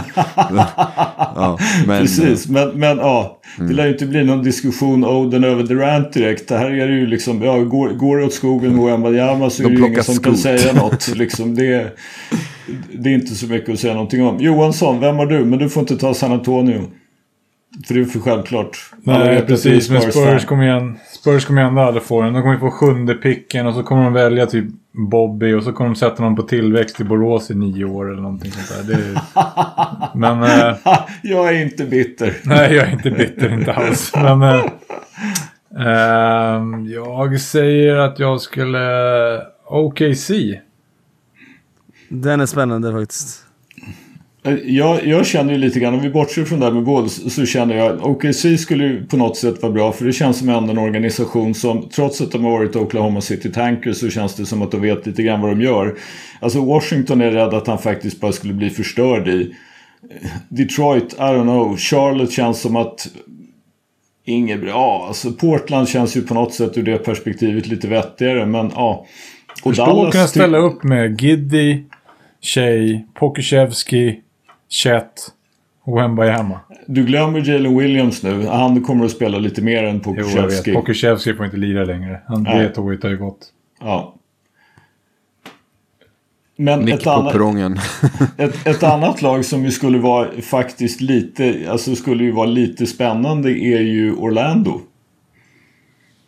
De Men de kan, skulle- inte, de kan inte få Shaq, sen Dwight och sen Wembanyama. Det går Ja, inte. nej, nej, jag, jag, Ja, jag bara säger det. Cleveland, Cleveland fick, vad var det, två eller tre first round, first picks på, vad var det, fyra år eller något sånt där. Så ja, who the hell knows. Men ja, det blir hur som helst spännande att se var, var Wembanyama hamnar. Vi rullar vidare till, det har ju faktiskt hänt en hel del i NBA. När, som vi sa det här, eller i alla fall jag sa, att det var ganska många som kunde ta på sig lite shade för det här hur det gick för Philadelphia i Game 7 mot Boston. Och den som får ta konsekvenserna direkt är coachen Doc Rivers. Han har fått sparken. Även Monty Williams har fått sparken från Phoenix. Matt Ishbia väntade inte en halv sekund med det höll jag på att säga. Phoenix nya ägare utan han dumpade honom. Och då ska man veta det att Monty Williams är den coach som har vunnit flest grundseriematcher de tre, de tre senaste åren. Eh, vad har vi mer? Nick Nurse lämnar Toronto. Ime Judoka är tillbaka efter att ha blivit kickad av Boston för sina olämpliga kontakter med en kvinnlig anställd. Han är tillbaka i NBA och ska coacha Houston. Och det finns säkert någon mer. Men det har ju alltså, Bud har fått sparken från eh, Mike Budenholzer som vi inte litar på här i den här podden. Eh, som Johansson har lärt oss. Det här är ju coachbytena som är. Men vad säger vi om Doc Rivers? Alltså jag, jag har alltid tyckt att Dark har fått lite för mycket skit. Uh, men, alltså jag tror att det är dags att det är dags att bli min kollega, Doc Rivers. Det är dags att uh, börja kommentera matcher. För att uh, han har ju torskat lite för många matcher nu när han har ledning i slutspelet. Och ja, jag vet inte. Det, det känns, jag tycker att han, är, han har blivit lite för underskattad, men samtidigt Stats don't lie. Han har inte levererat när han har haft eh, chanser att stänga serier. Mm. Jag bara... Jag har alltså för mig att det är så att han har typ torskat... Det kanske, det jag, kan min, jag kan minnas en liten aning fel. Men alltså jag tror att det är så att han har torskat tio raka elimination games. Alltså där ena laget har chansen att gå vidare. Ja, det är Eh, och, och, och det är ju ganska tufft. Han har ju en titel med Boston Celtics och Kevin Garnett som Addis är väl medveten om. Visst var det 2008? Ja. Ja. Och han har ju alltid fått coacha bra lag så att säga. Det är ju, det är ju sällan han har haft ett, ett riktigt skitlag efter att han hade problemen i Orlando när Grant Hill gick sönder och i princip förstörde allt för, för Orlando och Doc Rivers. Men sen dess har ju han, han hade Lob City Clippers, ja. Han, han har varit runt och haft ganska bra lag. Han har fått coacha Joel Embiid och Ben Simmons, Joel Embiid och James Harden. Men han är 62 år och är 0-10 i Elimination Games. Det finns säkert någon som i och för sig vill ge honom ett jobb, men frågan är vad vill han själv? Han har ju varit, han har ju varit expertkommentator i tv innan han liksom kom tillbaka till... Eh, Och gjort till det bra dessutom. Ja, oh ja. Han är mycket bättre än liksom Mark, alltså Mark Jackson, herregud. Herrejösses. Alltså det är ju bara att spotta ut sig så många klyschor som möjligt. När, när har ni sett Mark Jackson bara säga och så här är det, i den här situationen så roterade de härifrån, alltså förstår ni, han går inte dit. Han, han kör sina 'Mama' There goes that man, man down, hand down. Alltså man bara, bror. Fan vad du är Som dålig, eh, förklara. brand, använd brandsläckaren och klyschor. Jag Ja, men jag lyssna. vill bara kolla. Ja men jag, jag kombinerar det i alla fall med att försöka förklara för någon som inte är insatt liksom, okej så här tänker de, förstår du vad jag menar? Alltså, han är ju jävligt klyschig, det är han. Sjukt klyschig. Jag, vet, inte, jag gillar att lyssna på honom, jag tycker han är soft. Liksom. Jag gillar Ja, men han och han, Van han, Gundy. han och Jeff, ja, precis, de har ju bra kemi, personlig Mm. kemi Men det betyder inte att han är bra på att liksom vara expertkommentator Nej, Jag tycker men- inte det i alla fall Nej, kanske inte, men jag, jag vet inte, jag bryr mig inte jättemycket om så. Jag gillar bara att ha, ha något och, om de är underhållande. Jag föredrar Okej, det. mm. ja, och det köper jag också, Mm. det köper jag Jag kan ju tillägga det att i NBA så finns det alltså tio coacher som har vunnit tusen matcher eller mer. Och Doc Rivers är en av dem. För han har vunnit nästan 11, inte riktigt 1100 matcher men nästan. Så Det är galet faktiskt han, han är ändå liksom lång, lång och stark karriär som coach måste Fast- man igenom. Däremot fast- så har han fast- väl kanske fast- inte riktigt fått ihop det i slutspelet. Men den listan är ju jävligt suspekt Skölden, vi har liksom George Carl, Don Nelson, Lenny Wilkins där, man bara uh, uh. Den, den listan är fan sådär alltså Ja, fast ja, alltså jag, någonstans måste man ju ändå säga det att en, en del av de här kanske är något mer suspekta än andra. Men liksom Popovic är den som har vunnit flest. Don Nelson sen och Lenny Wilkinson. Och då kan man väl konstatera det att alltså, nu minns, de har ju faktiskt allihop i alla fall har ju en bra bit över 50% Alltså de vinner mer än 50% av sina matcher. Och då har man ju ändå så att säga fått ett hyggligt förtroende för från, från bra lag. Jag tror att den som har bäst vinstprocent fortfarande är Phil Jackson. Av, de, av, av, alltså av toppcoacherna då så att säga. De här som är typ topp 10, topp 11, topp 15 någonting. Så. Alltså, Så, jag, ja. jag tycker så här, om alla de här coachgrejerna så tycker jag så här. Det är ju den mest utsatta positionen. Det är ju det är de som får ta skiten för det här nu. Jag har ju sagt ofta att jag tycker att liksom... Ja, I grunden så är de lite överskattade i sin betydelse. Och de sitter ju liksom i händerna på superstjärnorna. Alltså, vad superstjärnorna gör som superstjärnorna vill. Och det spelar egentligen ingen roll. Är det verkligen så att det är Darvin Ham som styr Lakers eller är det Le- LeBron? Och i grunden så tycker jag att en sån här grej är bara en quick fix. Men frågan är, löser verkligen problemet under? Alltså, att byta en coach så här nu. Även om det är så att de får in världens bästa, vad det må vara. Nu kommer de här bara ha sådana här roterande stolar och bara gå runt så här. Kommer det verkligen lösa grundproblemet? Någonstans. Kommer Harden och Embiid show up liksom i en Game 7? Kommer, ja, vad det må vara. Alltså det, det är ju det som är frågan. Hur många coacher kan göra en sån skillnad så att det verkligen döljer de skönhetsfläckar som de försöker dölja genom att byta coach? Vi kan väl konstatera att jag såg att vi har en hot take som tar upp lite grann det här om, om, om en av coacherna som är ganska bra i NBA. Men vi, vi kan väl återkomma till det. Det blir ju hur som helst intressant att se hur, vad, vad som händer här. Och till exempel då vem som ska coacha Phoenix Suns, vem som ska coacha Philadelphia. För det är ju ändå lag som Alltså med båda två söker ju efter att vara titelkandidater och båda två har ju uppenbarligen så att säga missing pieces. Addis var ju inne på det här med Phoenix att det brukar inte gå så bra första året efter att man har gjort den här traden och dränerat laget. Vi får väl se om Phoenix kan göra några vettiga moves och vi får väl se vad Philadelphia gör med till exempel James Harden. Eh, Ryktena är ju ganska starka att de skulle gå till Houston. Det är väl lite oklart för oss varför, men, men det sägs ju att det skulle teoretiskt kunna vara så. Men ska vi gå Men, till... Om jag, om jag Ja. får fråga så bara en sak till då. Okej, vad, vad är liksom... Alltså det finns två lag som har, eller Boston har ju enorm talang egentligen i grund och de har ju någon sorts kontinuitet. Men tittar man både Denver och man tittar på, på Miami så är det ju coacher som har varit där en längre period. Så antingen är det två rookies eller så är det två som har varit där väldigt länge. Jag vet inte, jag tycker bara folk söker snabba lösningar snabbt. Även om jag absolut håller med om att Bud kanske har gjort sin chans och så vidare. Så att, ja. De vann en titel. Japp. Eh, ja, vi får väl som sagt, jag tror att vi, vi har väl en och annan hot take om det här med coacher. Ska vi gå till hot takes? Vi är väl färdiga med, med coaching-cirkusen. Vi får ju anledning att återkomma till den ganska snart. Nick ville ju prata... Ja, just det. Just coach. det. Nick, du, du vill ju prata Dick De, eller vad säger jag, Ludvig Degernes och Ja, men lite snabbt, lite, lite snabbt bara. Lite snabbt bara för att uh, Ludvig Degernes, jag nämnde det i Nick Sörna, han har sagt i en stor intervju, mycket läsvärd, jag gillar Ludde, det vet ni. Eh, och jag tycker eh, om honom eh, som, jag tycker han är en riktigt bra tränare.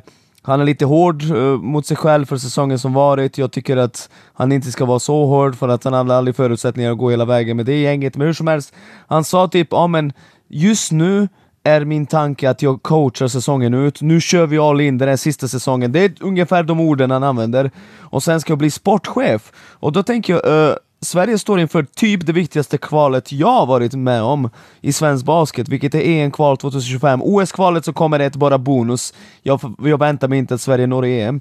Uh, förlåt, OS.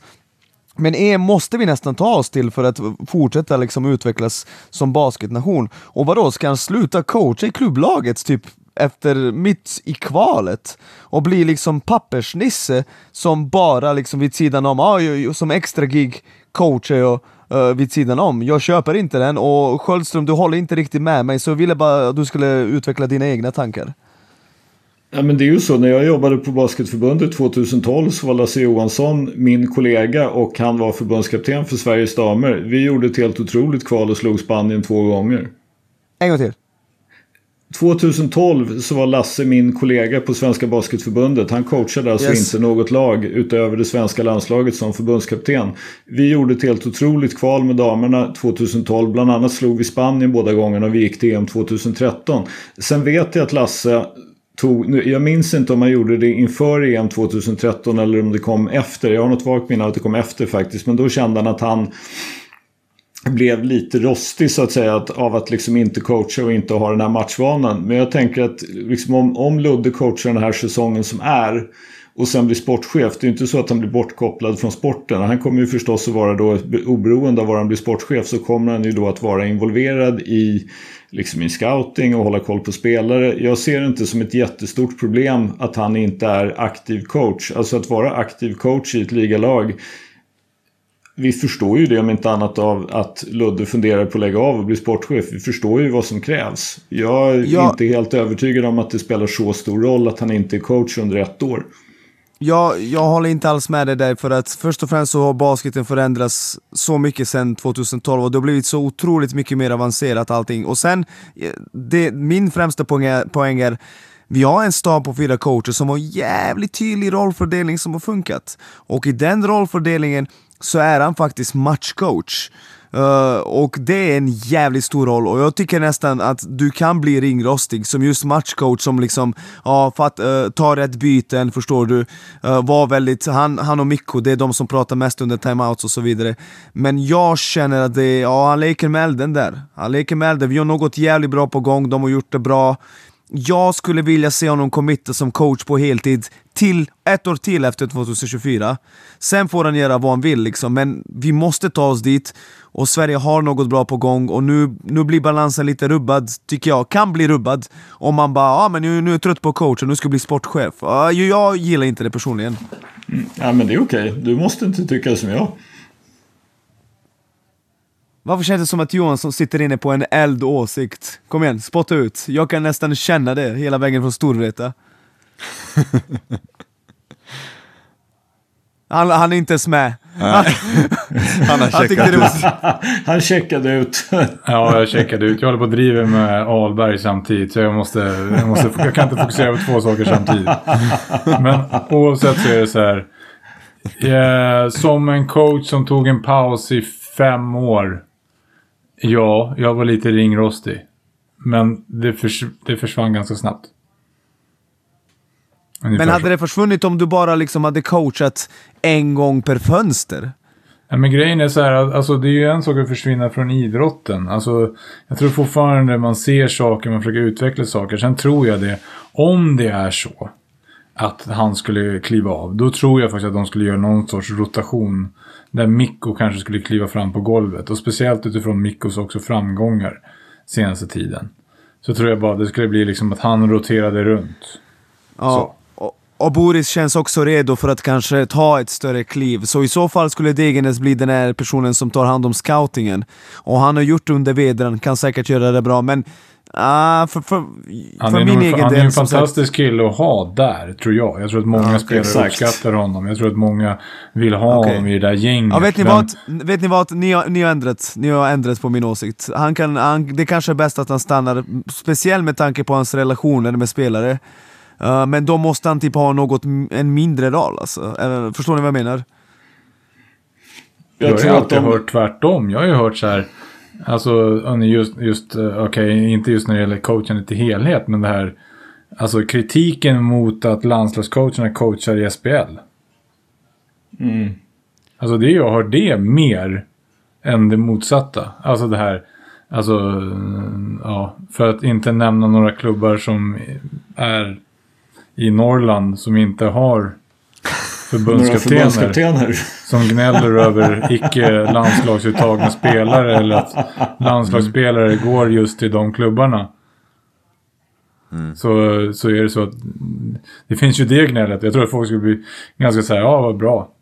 liksom Boris har försvunnit och Ludde lägger av. Ja ja, då finns det bara, ja nu vet du det, Kjellman coachar inte heller nu. Ja, men han kommer säkert hitta ett nytt jobb. Ja.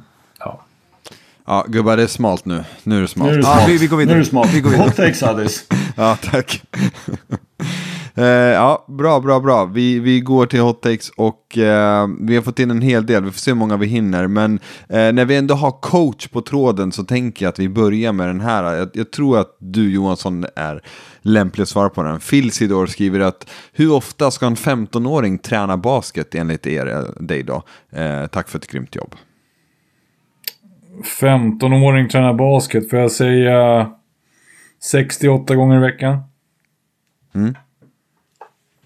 Okej, och det ska vara boll, alltså träning? Det är Nej, det, det, behöver om. inte alltid vara boll. Nej, men nej. eh, jag tror att normalt fall i- vid den där åldern, då brukar du komma upp i 4-5 lagträningar. Sen behöver du någonting extra.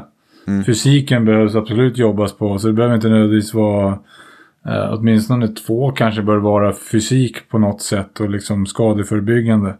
Helst så kan man ju väva in det med båda träningar, men jag tror att du måste komma upp i en relativt bra mängd när du kommer upp i 15. Vad- Då kliver du in på, inte riktigt gymnasiet, vad är det då, högstadiet typ?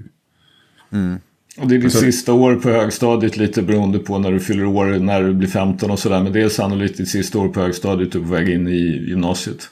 Ja, alltså du behöver komma där någonstans tror jag. Jag kan ju känna en sak som jag skulle vilja se en, en 15-åring göra också. Ett då det här det du pratar om fysen. Men man skulle också vilja se honom ha någon form av teknik. Alltså typ skjuta, dribbla. Alltså som inte nödvändigtvis är... Det här kan ju vara någonting man, som inte är så att säga nödvändigtvis en exakt tung träningssituation. Utan teknisk färdighet typ på egen hand. Håller med?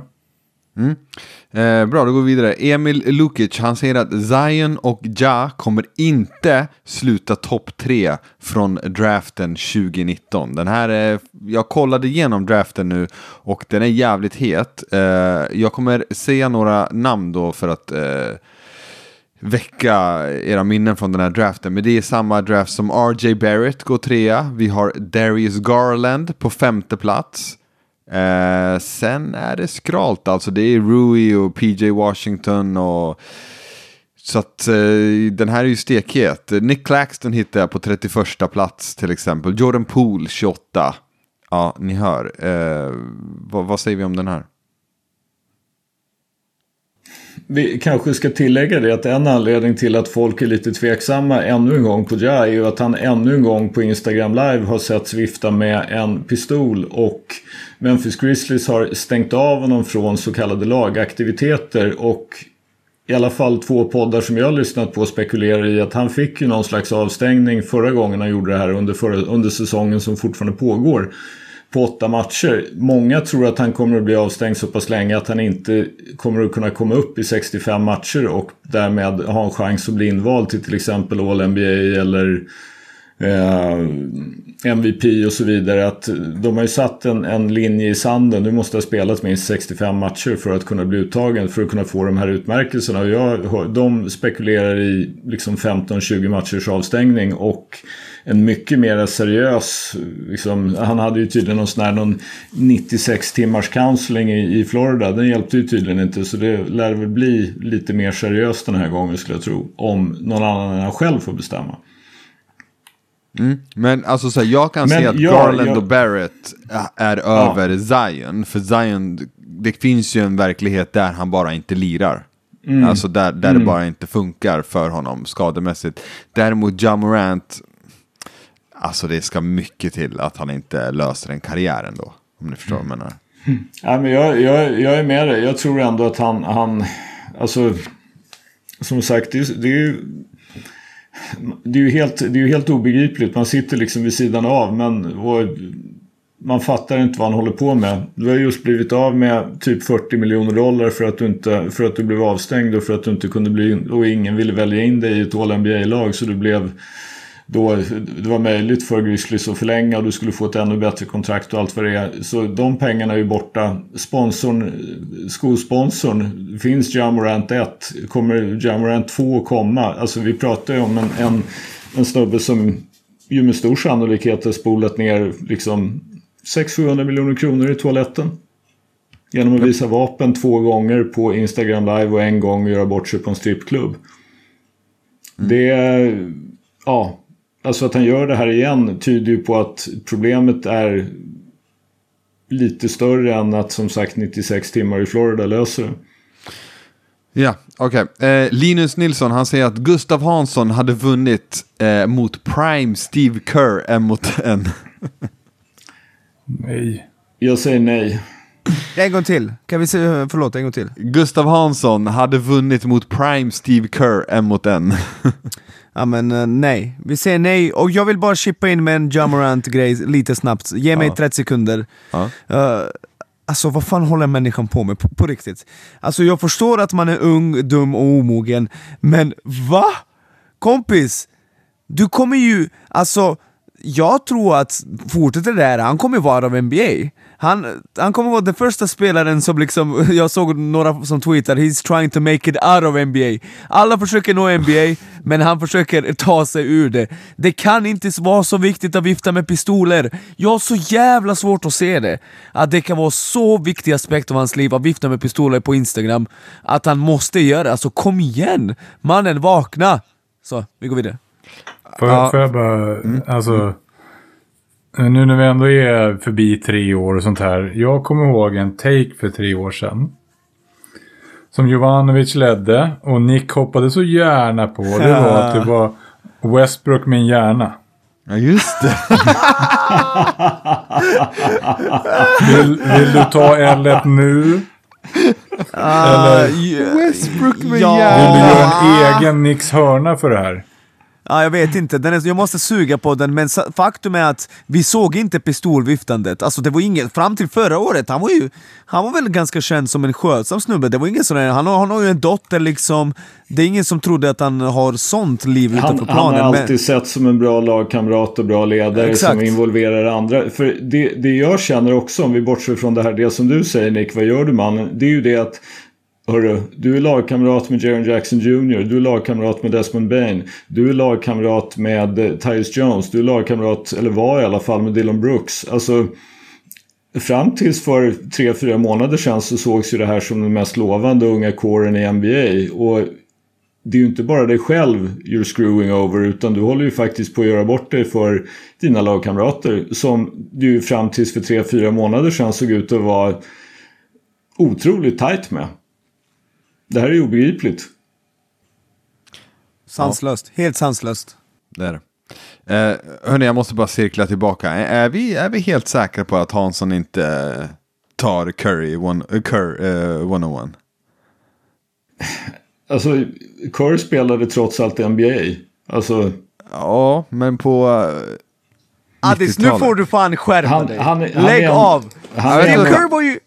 Curry Steve Kerr, 90 och kan Steve skjuta. Kerr, Steve Kerr satte 4-3 på typ en period i NBA Finals, eller var det Finals 2003? Jag tror fan det var i finalen, han spelade för San Antonio, det var inte så jävla länge sedan. Ja, alltså, det är tror du Gurra Hansson går in i NBA-final och sätter 4-3 poängare under Ja, en men period?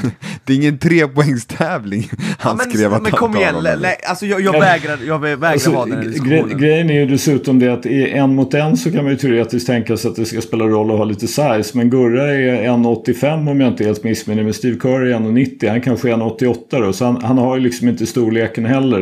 Men Jag, Gurra är thick. Har vi Jo inte då. konstaterat? jo då, visst, visst. Men nej, jag, jag, jag, jag säger hur som helst nej. Alltså jag är inne och spanar Kerrs siffror och det är, det är ju inte va, alltså så här, han pikar ju på alltså, 8,6 poäng per match alltså. Jag, jag tror här har vi överskattat någon jävel alltså. Det, I NBA. Du, du, du tänker inte att det är du som överskattar SPL? Nej, nej, nej, men alltså ja, kanske, men, men jag vill bara poängtera att Kerr, det, ni, ni pratar ju som att Kerr är någon jävla liksom basketgud. Det var han ju inte. Alltså, Nej, nej, men, men jag är realist. Han spelade ändå, han vann titlar i två olika lag i NBA. Han är större än Gurra. Så Gurra kan Om- inte om du- muskla har- sig till korgen. Om du har skickar avgjort en- 50-åriga gamla Udonis Haslem till SPL nu, vad snittar han? alltså han som knappt kan gå. Haslem idag, ah, jag är ju 10-10, alltså. Nej, 15-10. Hallå! Steve Kerr, har- 20-10, Steve, 20-10. Steve Kerr har avgjort en NBA Finals match i Chicago Bulls, han har avgjort en NBA Finals match i San Antonio Spurs. Vi går vidare, vi, vi, vi, behöver inte Ah, prata mer om vänta, det här. vänta. G. Gervin mot uh, Kerr, one-on-one. Alltså, nu, nu är Alltså grejen är att G. ner. var, så, G. Gervin var så äcklig och sliskig liksom och hal att han kanske skulle ha chans, men nej, jag tar fortfarande Kerr. Ah, okej. Menar du G. Gervin spelar Norrköping eller? Ja, Ja, jag, Norrköping. antar, jag antar att det är Norrköping, inte, inte, inte George Gervin. Nej, nej, nej, nej, nej, Norrköping. Nej, inte en chans. Ah, okej. Ah, vi, vi går vidare. eh, Johansson, den här vill jag att du svarar på. Embiid, ja, John eh, svarar, eh, eller svarar, säger att Embiids gubbasket håller inte i slutspelet.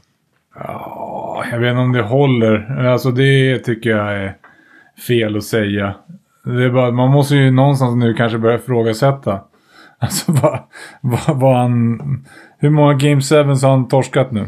Alltså det, det är ju, börjar ju tyvärr bli en... Jag håller med Nick om att det här med snacket med hans MVP, det är ju skitsnack. Det var grundserien. Men fan, det han gjorde i nu i senast, det var fan pinsamt alltså. Var det inte det? Alltså, jag kan följa, följa upp med att säga Alvin Svensson, han säger att Embiid är den sämsta MVP någonsin. Nej. Ja, men alltså, det sa de om Nikola Jokic också, jag hatar den taken. Men det vem ska är bli den så sämsta varje då? år. Någonsin. Är det Den är ju Rose? svinenkel. Derrick nej, Rose. nej, nej. Ja. Ja men det, det, det är typ D-Rose eller Steve Nash. Det måste vara någon av de två. Jag skulle, ja jag vet inte. Det är, alltså, Westbrook? jag, jag, jag har inte... Ja. jag Ja just inte det, helt- just det. Jag inte helt nej men det och måste vara hållet- Russ.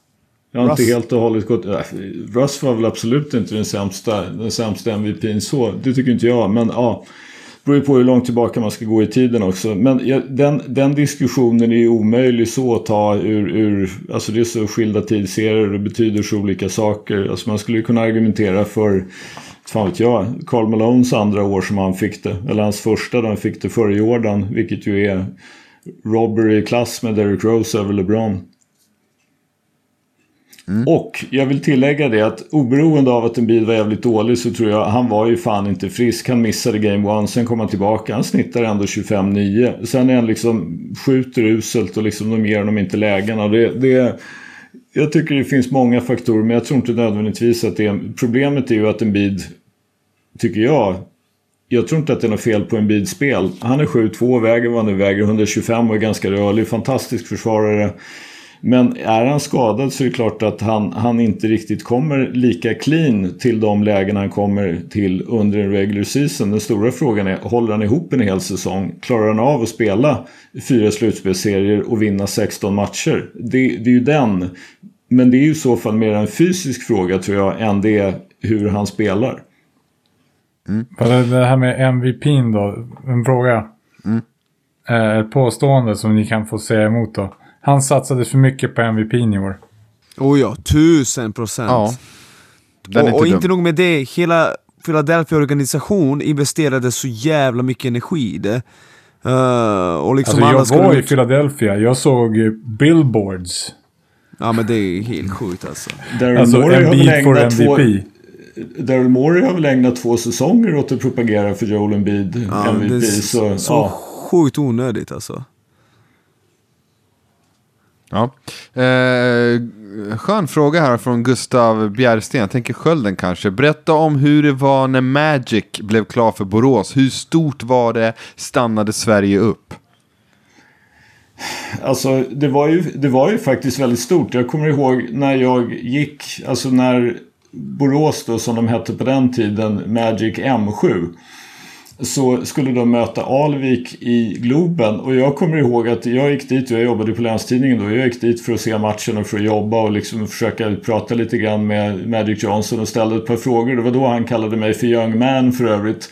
Och jag var ju lite yngre då i alla fall. Men Alltså det, som, det jag faktiskt för första gången i mitt liv upplevde det var ju det att det alltså fanns folk som försökte sälja biljetter, alltså som det hette förr i världen, svarta börsbiljetter utanför Globen. Det hade ju aldrig hänt i basket förut.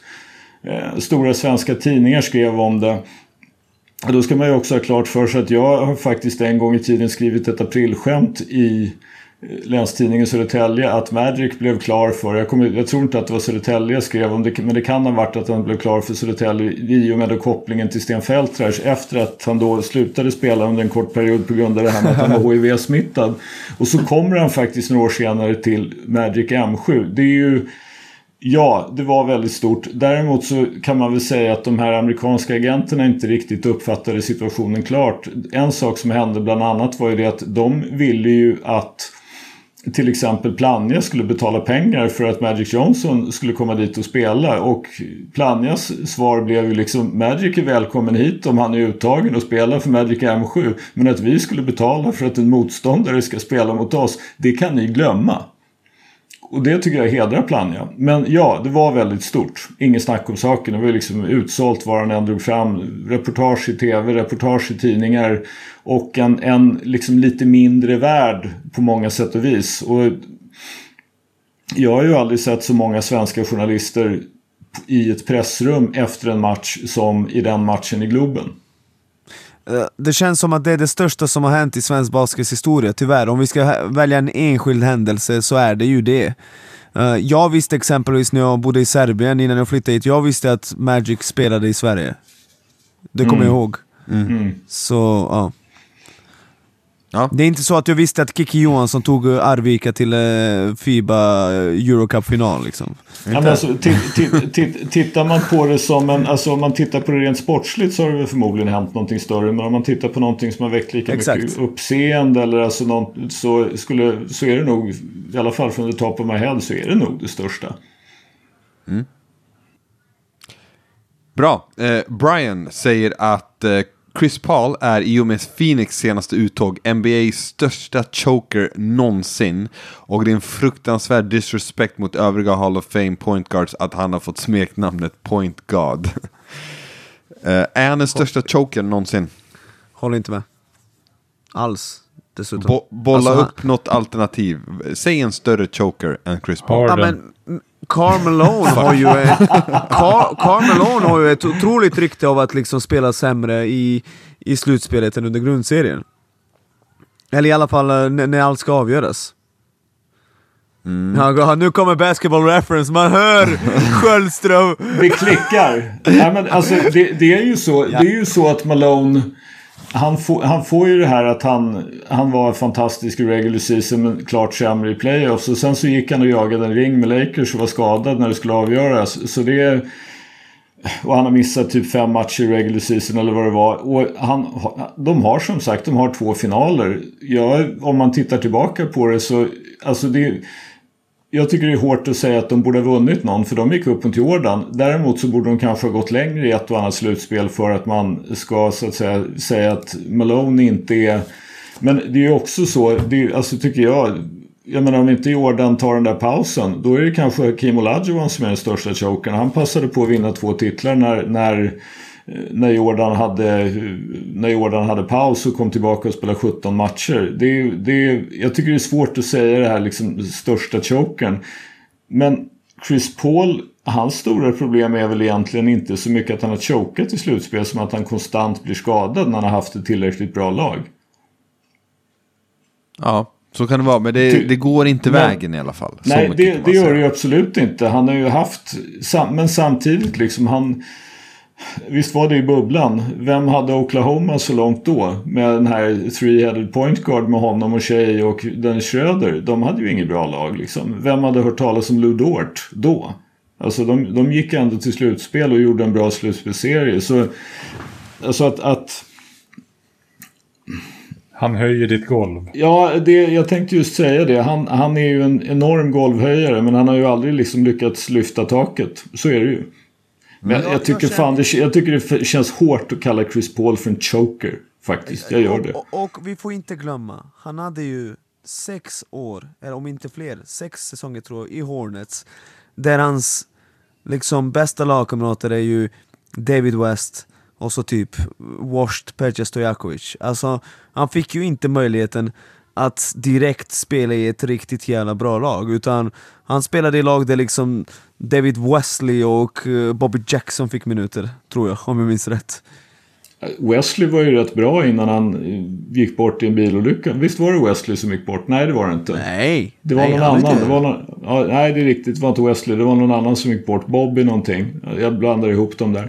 Ja, hur som helst. Jag, jag tycker det är lite knepigt att, att sätta stämpeln choker på Chris Paul faktiskt. Det, det måste jag säga. Jag okay, tycker att det är lite knepigt. Vad tycker ni om den här då? Eh, apropå det här med högt golv då. Eh, Allen Ramvic han säger att startar du ett franchise idag och vill ha ett så högt golv som möjligt så väljer man Jokic. Ja eller nej? Ja. Ja. Ja. Japp håller eh, faktiskt med också. Det, det, är fullt eh, rimligt. Just det där med golvet. Alltså jag säger mm. inte mm. att eh, nödvändigtvis att taket är högst, men... Eh, ja, nu, ta, ta vilket lag som helst. Ja. Ja, ta vilket lag som helst. Alltså, ta Houston Rockets eh, lag plus Jokic, 48 vinster. Easy. Mm. Mm. Eh, Johansson, du skickade in en hot take som var seriesystemet på här sidan är ett kast och förbundet tappade eh, bollen helt i hanteringen av superettan SPL här. Vill du utveckla? Alltså jag tycker att det, det dels att det här med stängd liga och det som händer med liksom att Fryshuset stannar kvar där i flera år och blir strykpåse. Jag tycker det ska vara öppet. Jag tycker det ska vara uppflyttning, nedflyttning. Och nu då när väl Kalmar och Frysen då väljer att gå ur. Och så har man då ett kval som gör att eh, det var ju Djurgården och Malba som gick upp. Vi tappade ju två lag. Då blir det plötsligt så här. Ja men vi kör 16 lag. Så det blir 30 matcher. Alltså deras syn på superettan. Jag kan säga så här. För alla de som tror att superettan är en serie, en professionell serie. Så är det så här. 85% av lagen tränar typ tre gånger i veckan. Alltså det är folk som jobbar. Det är folk som är duktiga nog att kunna spela ligan. Men kanske inte valt att inte riktigt köra på den nivån. Så de tränar. Alltså 30 matcher. De kommer spela lika många. Jag skojade med Norrort. Så sa jag så här. Hörni. Fixa 300 000 så kan ni få två importer. Då kan ni lika gärna spela ligan. Det är ju roligare än att spela i Superettan där det är 30 matcher. Alltså jag tycker mm. att det är helt galet att vi har nio lag i SPL och 16 lag i Superettan. För att, ett då kanske inte heller för att förbundet vågar då säga till Frysen och Kalmar Nej, ni får hoppa ner två serier. Utan de får välja att hoppa ur SPL och gå ner i Superettan. Eller så kanske de skulle bara sagt så här, Helsingborg, ni som vann och Högsbo, ni som vann serien. Ni måste gå upp. Jag köper inte det Johansson. Vadå, så va? Då, ja, gå upp och liksom konka ja. direkt. Nej, men det handlar inte om att konka. Det, det handlar om att anpassa, anpassa... Man får ju anpassa liksom, eh, vad heter det, matsäcken efter munnen liksom. Man får ju någonstans köra det. Om du inte vill ha en satsning där du inte vill vinna skiten i superettan.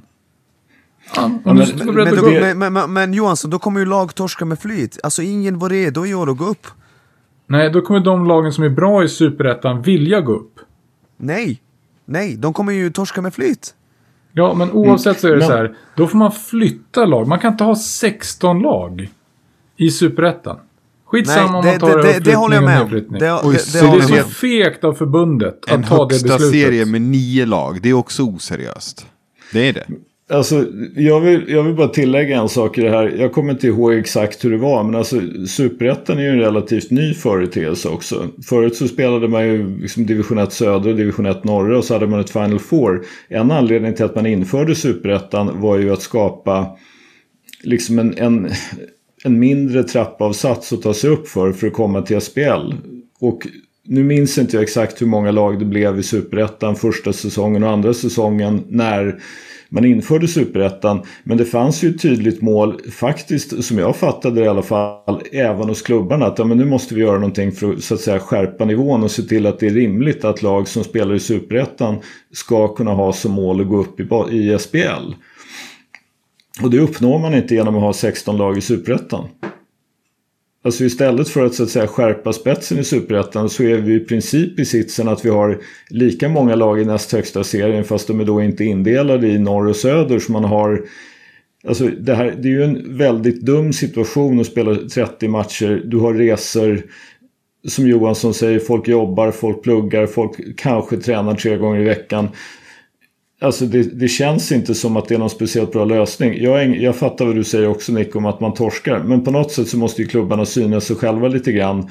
Förbundet måste syna sig själv. Vad vill vi med det här? Vad håller vi på med? Hur ska vi skapa en verksamhet som, som eh, faktiskt funkar för de mål vi vill uppnå? För det man har gjort under de här åren med Superettan har ju uppenbarligen inte funkat. You spitting facts homie. You Ja. facts. Alright, uh, gud vi är uppe i 91 minuter, jag ska ta den här bara. Loves Vuitton, han säger att Addis, är det svårare att förutspå årets vinnare än att rätta muntliga nationella prov? Eh, den är rolig tycker jag. Eh, jag kan säga till dig, uh, Loves Vuitton, att det är betydligt lättare att rätta nationella proven än att förutspå vinnaren. Det kan jag garantera. Med det tänker jag att vi, vi har fått in så sjukt, alltså vi kan typ spara resten till nästa vecka. Vi har fått in Ja, så men sjukt vi, många. vi, vi måste faktiskt, jag måste helt fräckt alltså vara lite nepotistisk här. Min bror skickade ju faktiskt en fråga. Den blir inaktuell till nästa vecka. Vi måste ta den nu. Mm. Bästa duo av de som är kvar. LeBron AD, Jokic Murray, Bam Butler, Tatum Brown. Vem har vi? LeBron AD. Johansson? Tatum Brown. Nick? Vem har vi tillsammans? Är det Murray och Jokic? Ja. Ja, jag måste ta LeBron, Du- AD du- och... LeBron och Frisk AD. Friska Lakers. Frisk LeBron då. Tänkte ju säga det. Frisk LeBron, Nej, frisk nej, fa, fa, frisk- nej, nej, nej, fast stopp. LeBron, skulle han bryta ett ben nu skulle han fortsätta spela. Känner han lukten av titeln, då kommer han spela med smärtor. Frisk LeBron och varannan match AD. Ja, då tar jag, då måste jag ta Jokic och Murray, för jag tänker inte sa- satsa mina pengar på Jason Tatum. Hell no. Skölden, vad säger du då? Ja, men jag, alltså, det larviga är ju det att om, om man... Jag tycker att AD har varit så fruktansvärt dominant defensivt och LeBron har varit tillräckligt bra offensivt och defensivt. Det här är ju faktiskt det första slutspelet någonsin där det känns som att LeBron lite grann sparar sig offensivt för att kunna vara liksom städa upp det som eventuellt råkar bli över av AD. Så jag är ju lite grann så, jag menar, självklart då frisk AD och frisk LeBron, alltså tillräckligt frisk för att kunna spela på den nivån de har gjort hittills. Men alltså det är ju jävligt tufft, de är, de är rankar sist, det är konstigt nog, är ju Bam och Butler. Jag har Tatum och Brown före, jag har Jokic och Murray före. Men jag tycker det är tight, det är tight där med LeBron och AD. Men AD tycker jag är den hittills tillsammans med Jokic mest dominerande spelaren i slutspelet. Och jag tycker nog att LeBron, Chessmaster LeBron som han har spelat på sistone är faktiskt någon jag hellre skulle ta än Murray. Mm. Snyggt. Vi, vi avslutar med den här. Maja Kansund säger att Ben Wallace förtjänar mer uppskattning för det han gjorde. Och jag kan inte annat än att hålla med. Fyra gånger All-Star, fem All-NBA, sex All-Defense, fyra raka. Eh, eller fyra på fem år. Defensiva spelare av året. Alltså, vilken jävla lirare. Älskar Ben Och han Wallace. hade titeln 2004 va? Med... Eh, enda, enda som är dystert för mig var ju att Chicago fick ju för sig att Ben Wallace är lösningen och då hade tåget gått så ja. Ja, Men vi har ju gett Ben Wallace, framförallt Nick har ju alltid pluggat Ben Wallace. ja. Nej, men Men jag, jag, Wallace, är det Draymond Green tror att han är? fan, den gillar jag. Jag, jag tycker att de är två helt olika spelartyper, men det, det är en annan sak. Ben Wallace var grym. Ja, riktigt grym. Ja, vi säger så. Tack för idag. Ha det bra. Hej då. Ciao. Hej.